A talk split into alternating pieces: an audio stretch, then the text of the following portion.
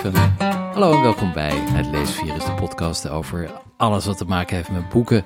Drie vrienden, Ronit Palas, Olaf Koens en ik, Steven de Vries. We lezen iedere week een boek en praten daarover. En dat delen we met jullie bij deze podcast.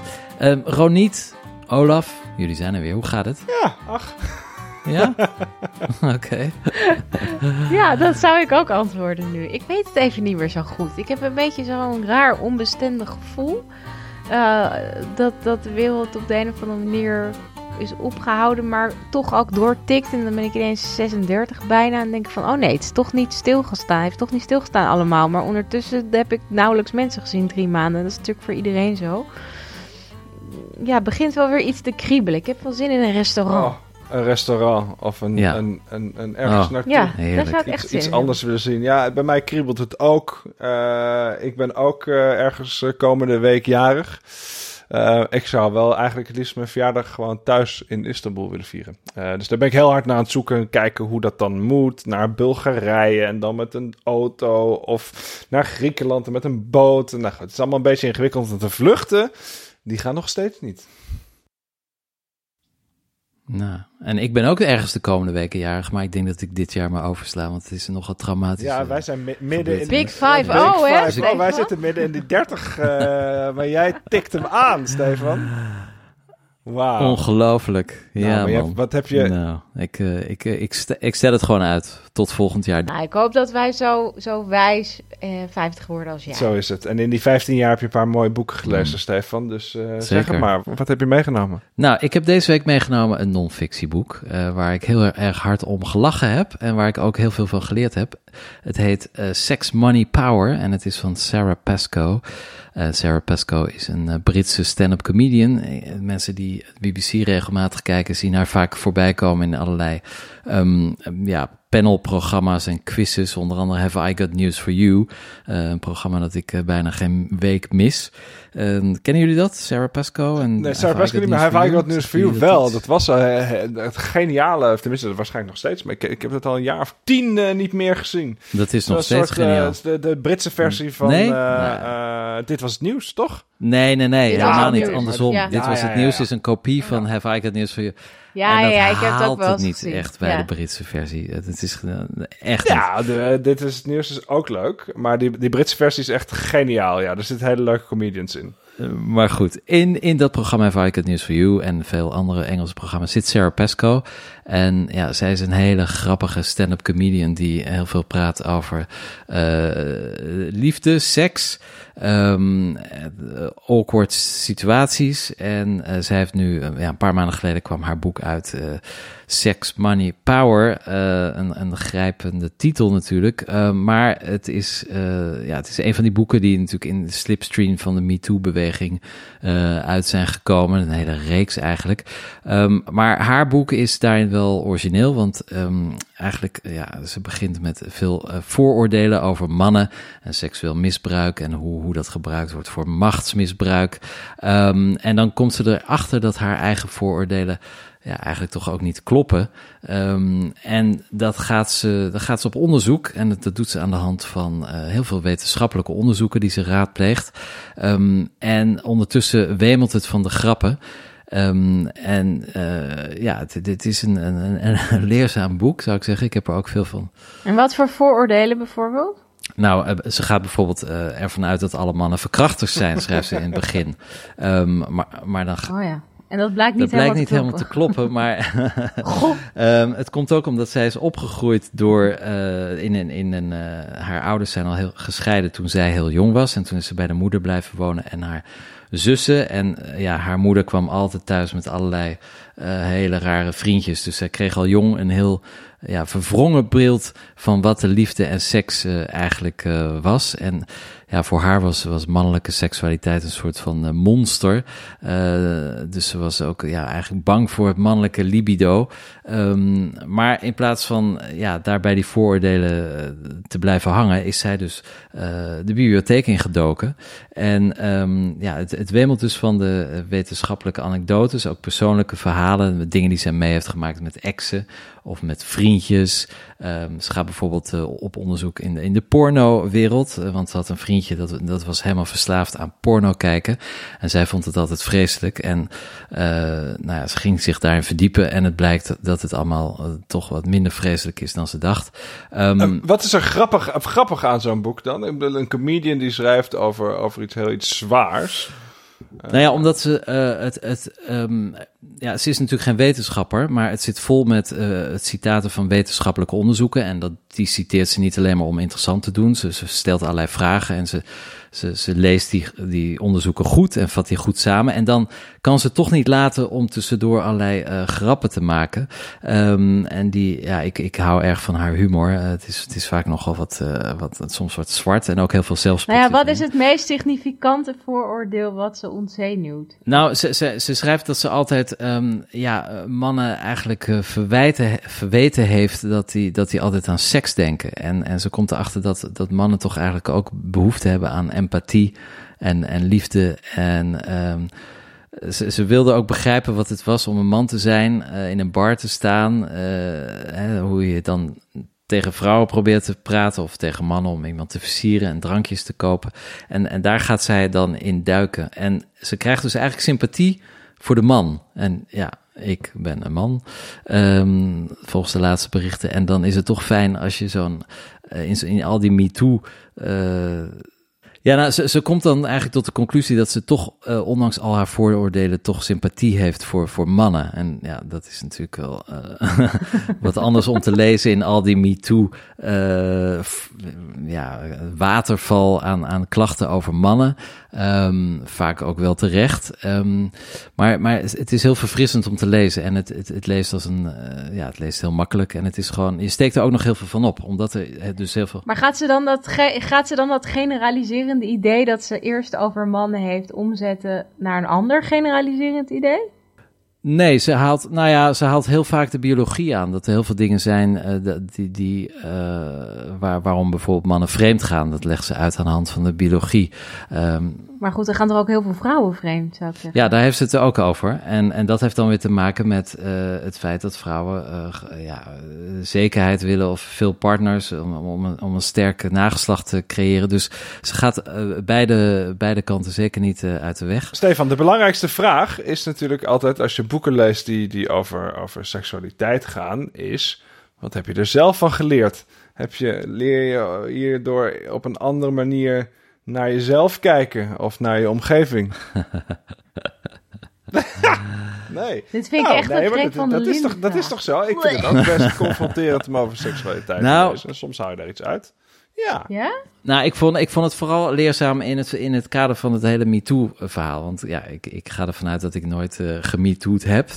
Um, maar dat nee, betekent niet dat ik nooit geflirt heb. Sterker nog, dat is toch wel een van mijn favoriete bezigheden. Een van de redenen waarom ik in Parijs woon, omdat daar, daar zoveel geflirt wordt. Maar, hoe doe je dat dan? Dat wil ik wel wel eens leren. Hoe Parijs een mannen flirt. Nou, het gaat allemaal om... Ik bedoel, ik zie het altijd, maar is er een soort van... Absoluut. Het gaat ja, om de blik. Methode. De blik. En, en wat belangrijk is bij het oh. flirten in Parijs Parijs is het gaat om de belofte die nooit wordt ingevuld. Daarom is flirten zo leuk. Je bedoelt de mogelijkheid. Daar ja, gaat de mogelijkheid, precies. Maar het gaat er niet om om uiteindelijk met elkaar in bed te belanden. Uh, het flirten is echt een, ja, het is eigenlijk een soort dans. Een doel op het zich. doel op zich, absoluut. En, ja, ja, ja. En, uh, Daarom hou ik zo van Parijs. Ik ook, ja. Breng mij weer terug naar Parijs. Terug naar Parijs. Laten we allemaal okay. verhuizen. Ja, ja gezellig. Uh. Kom je allemaal bij mij in de lockdown. Plus de foie gras. Maar Plus de foie gras, ja. ik nu alle veganisten. Plus de foie gras. Heerlijk. En steak tartare, mijn favoriete di dier. Nou, ik, ik vind het wel... Ik ben wel benieuwd uh, geworden naar het boek, moet ik eerlijk zeggen. Ja, ja. Nou, ook wel verfrissend dat, het, uh, dat ze haar eigen seksualiteit misschien ook... Uh, absoluut, absoluut. En, en ze beschrijft ook heel uh, treffend over ex-vriendjes. Dat is soms heel grappig. En soms is het ook heel, ja, best wel ontroerend. Ze, ze legt zichzelf ook echt bloot.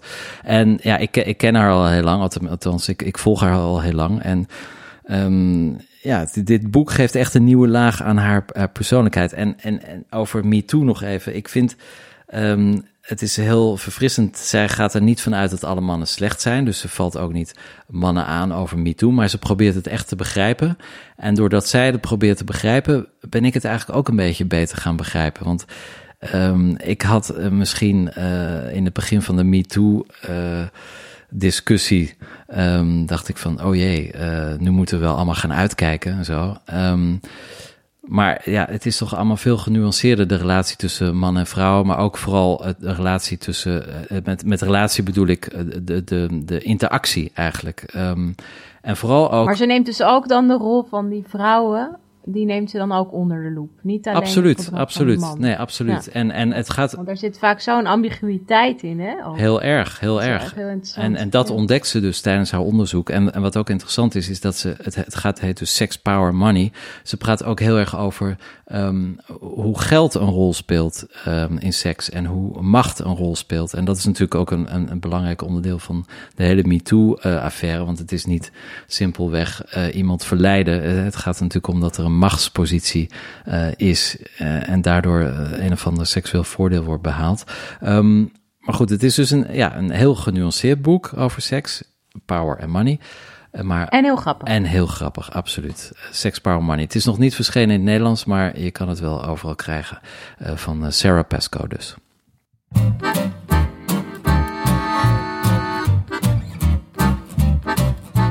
Ja, en als we het hebben over seks, power en money, dan denken we natuurlijk aan uh, Olaf Koens. Althans, ik elke nacht voor het slapen gaan. Wat is dat nou weer voor bruggetje? Niet aan mij. Ongelooflijk. Lekker dan. Wat ligt er op jouw na nachtkastje deze week, uh, Olaf? Nou, ik zou hem laten horen. Kijk, komt hij. Ik zit naast mijn nachtkastje. Bam. Bam. Daar valt hij. Ik heb deze week... Uh, uh, ik, heb, ik heb geen boek eigenlijk om te bespreken. Heel erg. Ik ben namelijk Paul Auster aan het lezen. 4, 3, 2, 1. 4, 3, 4, 3, 2, 1. Uh, het probleem is dat het is duizend pagina's. Het is prachtig mooi. Het is echt een prachtig mooi boek, maar ik ben er in, ja, ik ben er gewoon echt nog lang niet in klaar. Dat komt omdat ik gewoon de tijd niet heb hier om rustig te lezen uh, overdag. Ik lees s'avonds natuurlijk, maar overdag totaal niet. Uh, die kinderen steeds in mijn nek springen. Gelukkig was ik echter deze week heel even uh, in Hilversum bij de radio en ik kwam, ik moest iets vertellen over hoe het gaat in het Midden-Oosten in, dit, in deze vreemde coronatijden. En ik kwam ook nog terecht in een staartje van een gesprek en dat ging over Annie M.G. Smit. Want het is natuurlijk 25 jaar geleden dat zij overleden is. En, um, en toen dacht ik, ja, dus ik, ik zat bij dat gesprek en eigenlijk was dat zo mooi uh, dat we eigenlijk het liefst daarover door zouden willen praten, gewoon op de radio en dan maar verder luisteren en dan het hele nieuws maar overboord gooien. En laten we het gewoon eens de hele dag over Anna Maria Geertruida Smit gaan hebben, want wat was dat toch een fantastische vrouw. Absoluut. Um, Bibliothecaresse in Vlissingen, waar we het vorige aflevering over in hadden. In Vlissingen, ja. En in die tijd voelde ze zich zoals aan Isra Meijer opbiechten, nog een mos. Een ja, een, mos. Een, een, boom met mos. Ja, een mos op een boom. Erg mossig, ja. Kom ik nog op. Um, dus Paul Auster. De, hij is de man van uh, de New York Trilogy, hè, geloof ik. De boeken, mooie verhalen over New York ja. en over Brook, Brooklyn. Ja, ja, ja. ja. Ja. Oh. Zeker, het is prachtig. Het gaat natuurlijk ook weer over, over, over, over Newark en over uh, New Jersey. Ik heb inmiddels het idee dat ik uit de Amerikaanse literatuur New Jersey beter ken dan uh, uh, Amsterdam. maar het is, nee, het is een fantastisch boek, maar daar gaan we het dus niet over hebben. Wel gaan we het dus hebben over Annie Schmid. Oh. Um, en dan gaan we het dus niet hebben over dat wat iedereen kent, namelijk Jip en Janneke en Pluk van de Petflat en dat soort dingen. dat geloof ik wel. Dat leest iedereen nog. Dat leest denk ik ieder kind. Um, dat is ook prachtig. Uh, maar ik wil er toch nog eens even kijken naar de versjes van Annie Smit. Want wauw, wat zijn die mooi. Um, en die zijn, die zijn we eigenlijk allemaal een beetje vergeten. Nee, helemaal niet. Nee. Nou ja, jij misschien niet, maar toch heel veel mensen wel. Ik ken het hele boek Ziezo, ken ik echt bijna uit mijn hoofd. wat goed. Echt wat goed. Um, wat ik er mooi aan vind is dat, kijk, er is natuurlijk een soort, we hebben in Nederland een soort minderwaardigheidscomplex wat, wat kinderpoëzie betreft. Daar heb ik het een aantal afleveringen geleden over gehad. In Nederland, ja, we noemen dat een beetje, ja, versjes en zo. Ja, wie houdt zich daarmee bezig? Maar niet zoveel mensen, niet de grote dichters van onze tijd. Uh, die schrijven geen versjes. Nou, uh, uh, Annie Smit draaide daar natuurlijk de hand niet voor om. Die heeft echt fantastische dingen geschreven. Het eerste boekje wat ze uitgeeft heeft, heet Het Fluitketeltje en andere versjes. Oh, ja, ja, ja, ja, En dat is echt, daar staan prachtige dingen in. Eh, dit is iets wat ik wel kan lezen, ook deze tijd, want dit verslinden mijn kinderen. Ah. Eh, en dat komt natuurlijk omdat mijn kinderen, eh, die worden tweetalig opgevoed, eh, Russisch en Nederlands. En in het Nederlands, en mijn vrouw zegt altijd, ja, Olaf, eh, die kinderen kunnen eh Pushkin en eh, Brodsky en eh Mayakovsky eh, zo ongeveer citeren, blind.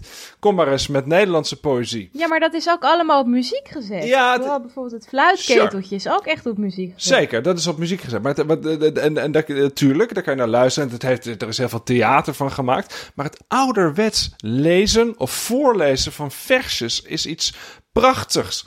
En dat, dat gebeurt niet veel in Nederland. Eh, nou, ik doe dat dus. Ik probeer de, de, de enorme hoeveelheid Russische literatuur die eh, via kinderversjes in mijn kinderen wordt gestopt, een beetje te compenseren met eh, dus vooral dit boek, het fluitkeeltje en andere versjes. En er zitten echt parels in. Hè? De leeuw is los, de leeuw is los, de leeuw is los. Hij wandelt al door de straten. Hij wil naar het Amsterdamse bos. Dat heb ik wel in de gaten. Oh, roept de pianostemmer, waar blijft nou die leeuwentemmer? Ehm, er zitten heel veel prachtige voorbeelden in. Ze gaan op zoek naar Gip, Gap, Groningen. Mijn absolute favoriet is Luchtpost voor Dieren. En dat komt natuurlijk omdat dit geschreven is in de jaren 50. En toen was post iets ja, toch iets, toch iets heel iets bijzonders. Hè? Ja. Eh, je stuurde een brief en dat, die, die ging dan zomaar de hele wereld over. Eh, nou, in, in Op luchtpost 1 voor dieren. januari, dan sturen ja, de mensen, dat elkaar dat, hè? mooie kaarten Ja, met groeten en wensen, En precies. maar ook alle dieren. Het is werkelijk waar. Die wensen elkaar Mensen elkander gelukkig, nieuwjaar. De Vink schrijft een brief en haar zoete lief. En Kareltje Mus stuurt een brief aan zijn zus. En twee jonge roeken een brief aan hun moeken. En dan gaat alles met de luchtpost mee naar Overvlakke of naar Heiligerlee. Ja, Ehm, Annie, maar het mooiste is toch, ik ben lekker stout. Dat vind ik nog steeds, ja nee, het leukste. het leukste, Kennen ja. jullie die? Nee, draag eens Voordragen. voor. Nee, het- ik, moet- ik moet hem even voordoen, want het is echt het, het is natuurlijk het motto van mijn leven. Ik wil niet meer, ik wil niet meer, ik wil geen handjes geven. Ik wil niet zeggen elke keer, jawel mevrouw, jawel meneer. Nee, nooit meer in mijn leven. Ik hou mijn handen op mijn rug en ik zeg lekker niets terug. Ik wil geen vieze havermout, ik wil geen tandjes poetsen. Ik wil lekker knoeien met het zout, ik wil niet aardig zijn, maar stout. En van de leuningen roetsen en schipbreuk spelen in de tel. En ik wil spugen op het zeil en heel hard stampen in de plas. En dan mijn tong uitsteken en morsen op mijn nieuwe jas.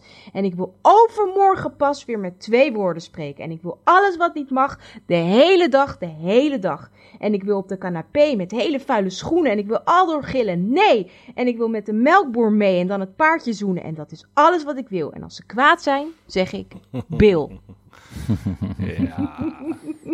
Ja. Fantastisch. Dit, dit, ik, om, om even de, de, de grootheid hiervan van aan te geven. Hè. Ehm, eh, kijk, natuurlijk, de, de, de- veel daarvan is op muziek gezet. Er zijn theatershows van geweest. Eh, maar die versjes, dat, die zijn zo mooi en bijzonder. En in Nederland doen we daar, ja, naar mijn inzien, dus toch een beetje lachig over. Wie schrijft er nou nog versjes? Bijna niemand. Wat mij betreft staat het op een, een op eenzame hoogte in Nederland. En op gelijke hoogte met al die prachtige Russische versjes. En er zit, je ziet een beetje waar dat mee te maken heeft. Dus die, die luchtpost voor dieren met Kareltje Mus en de roeken. Met post voor hun moeken. Dat doet natuurlijk heel erg denken aan het fantastische gedicht De Post van Boris Zitkov. Ja, ik gooi er toch weer een, een Rus in. Wie klopt daar? Wie stopt daar in de storm met aan zijn lijf? Een uniform met een blikkenplaatje vijf. Op zijn pet en op zijn jas en aan zijn riem een dikke tas. De post is dat, de post is dat. De postbode uit Leningrad. Nou, die post die gaat dan de hele wereld over. Eh, naar Berlijn. Overal haasten zich mensen. Overal Mercedes-Benzen. Ehm, dan wordt het eh, onder de Chileense zon nog eh, doorgestapt. En uiteindelijk komt het aan. En dan zegt hij... Leven de postbodes, leven hun werk, te land, ter zee en in het zwerk. Met stof bedekt en moe, maar sterk. Leven de postbodes, hun riemen en hun tas, hun pet en hun jas. Leven de postbodes. Ik wou dat ik er eentje was. Jawel, dat is Boris Zitkov. De post voor Boris Zitkov van Samuel Marchak. Deed mij heel erg denken aan Annie Schmid. 25 jaar geleden dat ze overleden is. Gelukkig kunnen we nog altijd heel veel van haar zien, van haar lezen. Vooral die versjes. Ja, maar echt iedereen die Ja. een kind krijgt, Ja. die ik aardig vind, die krijgt van mij ziezo.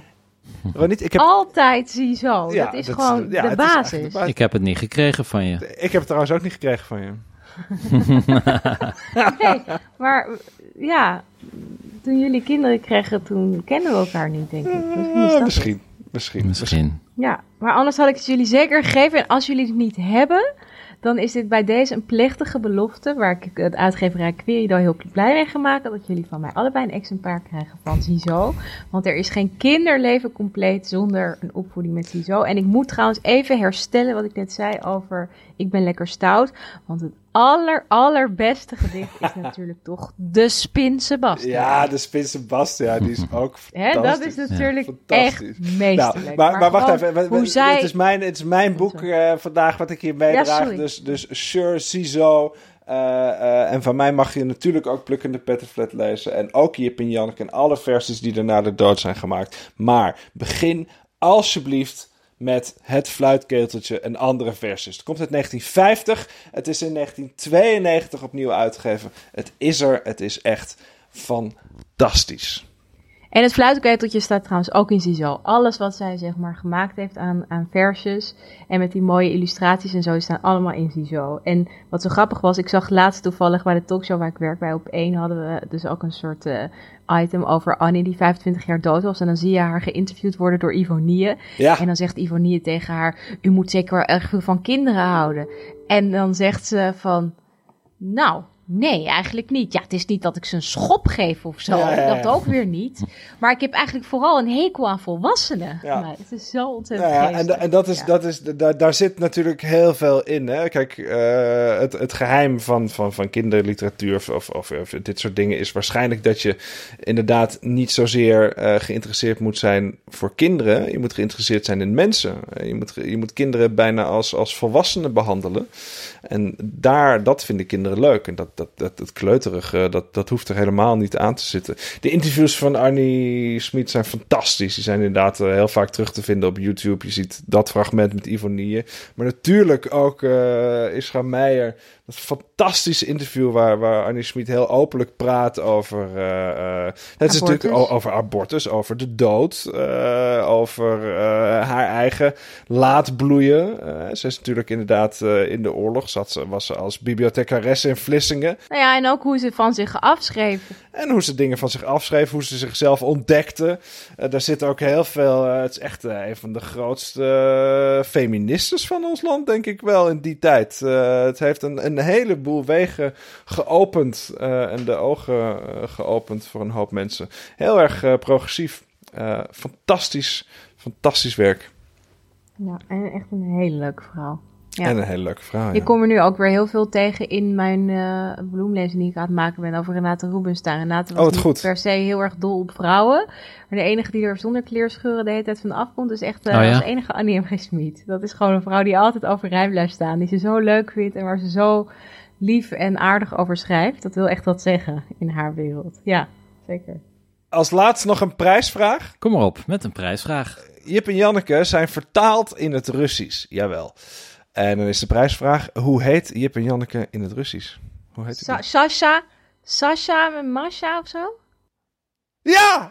Ja, ja, ik weet het gewoon. Ik weet het, ik weet niet waarom. Maar iemand heeft dit ooit Geniaal. verteld. Ja, misschien was ik het. Sasha en Masha. Sasha Zo is het vertaald. Is Ja, toch fantastisch? Ja, nou, hierbij, hierbij win je een exemplaar van het fluitketeltje en andere versen. Yes! En jullie Ja. van Ziezo.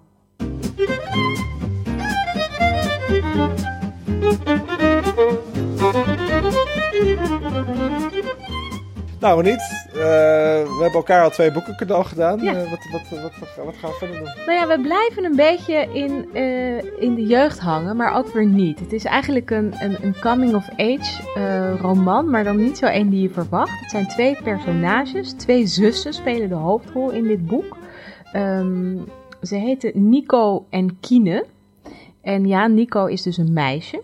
Het is het debuut van Meerte van Doornik, dat ze in, 19, of in 2018 volgens mij eh, eh, heeft geschreven. En ik was daar echt ongelooflijk van onder de indruk. Ehm, het boek heet Moeders van Anderen. Nou, waarom heet het nou Moeders van Anderen? Dat moeders slaat op het feit dat Nico en Kine opgroeien met een hele alcoholische uh, moeder die eigenlijk niet echt oog heeft voor de dochters, die vooral heel erg met zichzelf bezig is, met haar mannen, met haar uh, typisch, dus uh, zweefteverij zou ik maar zeggen, die kinderen totaal niet ziet, heel, heel verdrietig. En elke keer is iemand anders die moeder. Zo zien die kinderen dat althans. En ze weten bij het minste of geringste, oh, vandaag is mama zus en vandaag is mama, mama zo. Dus je ziet heel erg hoe die kinderen meteen leren herkennen hoe die moeder zich op dat moment of die dag zal gaan gedragen. Nou, het verhaal ontspint zich tussen 1997 en 2014 ongeveer. En er wordt telkens gewisseld van perspectief. Dus de ene keer hoor je Nico aan het woord en de andere keer Kine. En dat is heel erg knap gedaan. Niet alleen zijn het echt twee verschillende stemmen, maar wordt een van de grote mysteries nog altijd niet opgelost. Een van de meest interessantere vragen toch in het leven is van hoe komt het dat twee broers of zussen, of zussen in dit geval, onder eenzelfde gesternte opgevoed en geboren, zo compleet verschillend zijn in hoe ze omgaan met de wereld, in hoe ze zich ontwikkelen, uh, in hoe ze zich verhouden tot waar ze vandaan komen. Zo zie je dus dat Nico, dat is de oudste, eigenlijk heel erg angstig is en boos en zich erg keert naar binnen. En eigenlijk loopt dat heel slecht af. Ze wordt steeds moeilijker en bozer en ze gaat allemaal ja, rampen op zich af voelen komen door berekeningen te maken over terroristische aanslagen. Nou ja, ze wordt gewoon een beetje gek eigenlijk en depressievig. Terwijl Nico, de jongste, altijd maar weer positief blijft en hoop blijft houden. En denken dat als die moeder zegt: Oh jongens, sorry, ik heb het weer niet goed gedaan, ik ga het beter doen. Maar blijft geloven dat dat ook gebeurt. En natuurlijk gebeurt dat niet. Maar het is zo knap om te zien hoe die twee kinderen dat zo anders beleven. En um, hoe twee zussen dus zo anders in het leven kunnen staan daarin. Maar tegelijkertijd laat het ook zien hoe krankzinnig loyaal kinderen kunnen zijn aan hun ouders onder de meest verschrikkelijke omstandigheden. Nou is het op een grappige manier niet een totaal zwaarmoedig boek. Ik bedoel, het is wel zo dat als je het uit hebt, je niet denkt van, oh nou, lekker boekje gelezen. Dat zeker niet. Maar er zit een soort ja, een soort lucht ook in. Er is af en toe toch ruimte voor een ventiel, waardoor je uit die heftigheid van die benauwde omgeving uh, kunt stappen. En dat is echt ontzettend goed gedaan. Um, wat gewoon zo bijzonder is, is dat dus, die kinderen zijn eerst 11 jaar. En nou, dat verhaal duurt dan 17 jaar voort. Dat is echt heel erg interessant om die stem ook te horen ontwikkelen. Dat doet ze heel knap. Af en toe vind ik dat ze een klein plankje mislaat door iets te uh, chique uitdrukkingen te gebruiken voor een elfjarige. Maar later compenseert ze dat zo goed. Ik vind dat tweede deel echt werkelijk ongelooflijk knap. En welke tijd speelt dat tweede deel dan? Nou, het zijn, het zijn een beetje de negentiger jaren ja. dat het zich speelt. In een soort buitenwijk. Het wordt niet helemaal duidelijk waar of hoe, maar het speelt in de negentig jaren. En je ziet alles wel een beetje voorbij komen. De, weet je, de Belmerramp. En weet je, ze, ze, ze heeft heel erg ook een soort geschiedenislijnen doorheen. Dat het allemaal wel een beetje zo klopt. Dus dat is ook wel weer leuk als een soort... Uh, ja, stapje terug in de tijd, zou ik maar zeggen. Maar er staan ook echt parels van zinnen tussen. Een van de mooiste zinnen gewoon die ik in tijden heb geleefd, waar, waar je dan heel lang over nadenkt. Uh, alles waar je bang voor bent, is al lang gebeurd. En dat staat er dan gewoon zo'n beetje terloops. Ja. En ik las dat zo en toen dacht ik, hé, hey, ja, als er... En ik las het terug en ik las het nog een keer en ik dacht, verdomd, wat een mooie zin. Wat een ontzettend mooie zin. En dat soort zinnen zijn er meer. Soms vind ik wel, ik ben niet uh, 100% uh, met lof erover, want ik vind af en toe dat het iets te uitgesproken is. Weet je, dat het bijna met je giet op de Bekkeriaans wordt. Dus een beetje veel tell, don't show. Dat vind ik er soms niet helemaal strak aan, zou ik maar zeggen. Daar had ik iets uh, aan, aan, aan gedaan. Maar het is echt heel erg knap hoe je twee stemmen zo goed en geloofwaardig kunt laten ontwikkelen en zo goed inzichtelijk kunt maken hoe twee mensen onder eenzelfde gesternte zo anders kunnen worden en het leven tegemoet gaan. En dat doet ze zo ontzettend knap en ik vind het onwaarschijnlijk goed geschreven. Ik kan echt niet wachten totdat zij met een tweede roman komt. Ik hoop ook echt dat dat uh, niet meer zo lang gaat duren. Ik weet niet of ze ermee bezig is. Um, Heb je er een antwoord op, op die vraag? Want hoe kunnen inderdaad twee mensen zelfde DNA-materiaal, uh, zelfde huishouden? Ja, dat heeft toch te maken met karakter. En een heel belangrijk iets, dat is een boek wat ik ook zeker nog een keer zou willen bespreken eigenlijk. Uh, dat is een boek van Anton Blok. En dat heet De Vernieuwers. En hij is een, uh, een, vrij bekende uh, socioloog of antropoloog, weet ik nu even niet uit mijn hoofd meer sorry. En daarin legt hij allemaal grote geesten uit de wereldgeschiedenis, Spinoza en Newton en nou noem het eigenlijk maar op, die legt hij langs een ladder. En dan heeft hij achterin een soort uh, schema staan met kruisjes van hoe hun levensloop ongeveer is geweest. En als mensen dan bepaalde dingen hebben meegemaakt in hun jeugd, dan ontwikkelen ze zich op een bepaalde manier. Maar wat ook heel belangrijk is in die theorie, is geboortevolgorde. Dus wanneer je wordt geboren in een gezin, ben je de oudste, ben je de jongste, ben je de middelste. Dat zijn allemaal elementen die uh, um, te maken kunnen hebben met hoe jij je ontwikkelt, hoe jij je verhoudt tot een bepaalde situatie in het leven. Dus dat kan een, een, uh, een verklaring zijn. En er is natuurlijk zoiets enorm groot als karakter.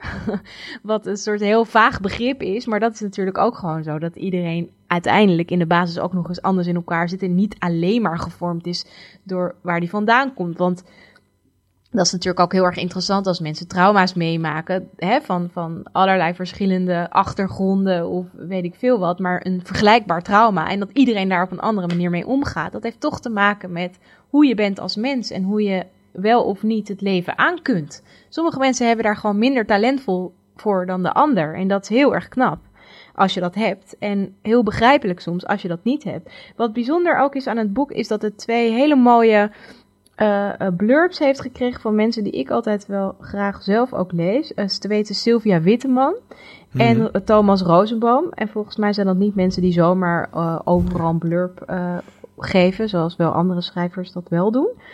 Um, dus dat heeft me ook heel erg aangetrokken om het boek echt ter hand te nemen. En toen heb ik ook meer een keertje geïnterviewd voor iets. En, het was zo'n mooi gesprek en ik vond haar echt heel bijzonder. Ik vind, ja, hoe het boek vormgegeven is niet zo heel erg mooi. Ik vind het een beetje lijken op een soort LOE-folder.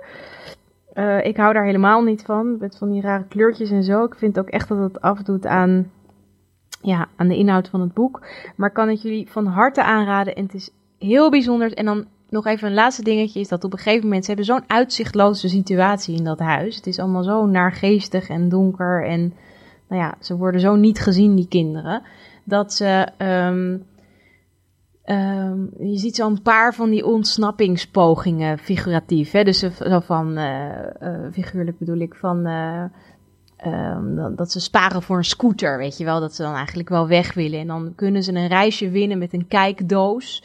Uh, door een mooie kijkdoos te maken, dan kunnen ze een reisje winnen naar Parijs. Maar ja, ze hebben helemaal geen auto om naar Parijs te gaan. Maar dan uiteindelijk, dan eindigt het boek met een terugblik naar 1997. En daar zijn die meisjes in Parijs. En dan, ja, dan, dan klagen ze zo een beetje tot elkaar over hè, dat ze gewoon aan hun lot worden overgelaten. Maar dan zegt de een toch tegen de ander, maar ja, want ze zijn dan in hun eentje in hè, Parijs, die twee jonge meisjes. En dan zeggen ze tegen elkaar van, uh, ja, maar ja, hoeveel kinderen kunnen nou zeggen dat ze in eentje in Disneyland waren? Nou ja, dat is ook, dat is echt heel bijzonder. Ook de kinderlijke geest, de esprit, de rekbaarheid daarvan, om dat terug te lezen. Ik heb er heel, heel veel uh, van genoten van het boek. En ik heb het drie keer gelezen. Dat wil echt wat zeggen. Omdat je het niet begreep of omdat je het zo mooi vond? Omdat ik het mooi vond en omdat het me wat leerde over um, hoe verschillend mensen kunnen zijn en hoe ongelooflijk veel het uitmaakt als je de mogelijkheid hebt om te kiezen de ene persoon te zijn of de andere persoon te zijn. Als, je, als dat dan een keuze is, hoe je leven drastisch veranderen kan als je ergens in gelooft. En blijft geloven, dat je dan sterker kunt zijn en zelfs onder de meest erbarmelijke omstandigheden er nog sterk uit kunt komen. En hoe bewonderenswaardig dat is als dat je kan lukken. Ik moet, uh, nee, je had het over karakters. Ik, ik heb de hele tijd, uh, soms werkt mijn brein niet verder dan een steekwoord. Uh, maar nu heb ik de hele tijd karakter van Bordewijk in mijn hoofd zitten. ja. dat, is ook, dat is ook een fantastisch boek. Dat heb ik echt al twintig jaar niet meer gelezen. Dat is net weer opnieuw uitgegeven in een soort nieuwe, in die Salamander-reeks. Dat zou ik wel weer eens willen lezen. Karakter, toch een soort, ja, de, de Nederlandse vaders en zonen van Turgenev. Turgenev, ja. Ja, poeh. Ja, dat is een waanzinnig boek. Maar ook wel donker. Dit is niet. Donker, dit, ja. is, dit is wel donker in de zin van dat, dat die meisjes ja, opgroeien op een manier dat je niemand wenst dat ze opgroeien. Um, maar het heeft niet dat, die mokerslag of zo. Dat je echt helemaal verplettert en, en al zo'n boek weglegt en denkt dat je geen enkele um, geen enkel vertrouwen meer hebt in de wereld. Want zo is het ook. Heb je wel, en en heb, je, heb je wel een verhaal gelezen aan het eind? Heb je, is het een rond verhaal? Is het er iets. Ja, ik het, vind, het nou ja, alsof het, het, het, het schetst iets in de jaren negentig en, en misschien in het nu. Ik maar- vind wel dat het een rond verhaal is, omdat je natuurlijk ook gewoon heel erg volgt hoe het met die moeder gaat. En dat gaat steeds meer bergafwaarts en bergafwaarts. En ze beschrijven dus alle verschillende moeders die zij is in één. Daarom heet het ook moeders van Mhm. anderen.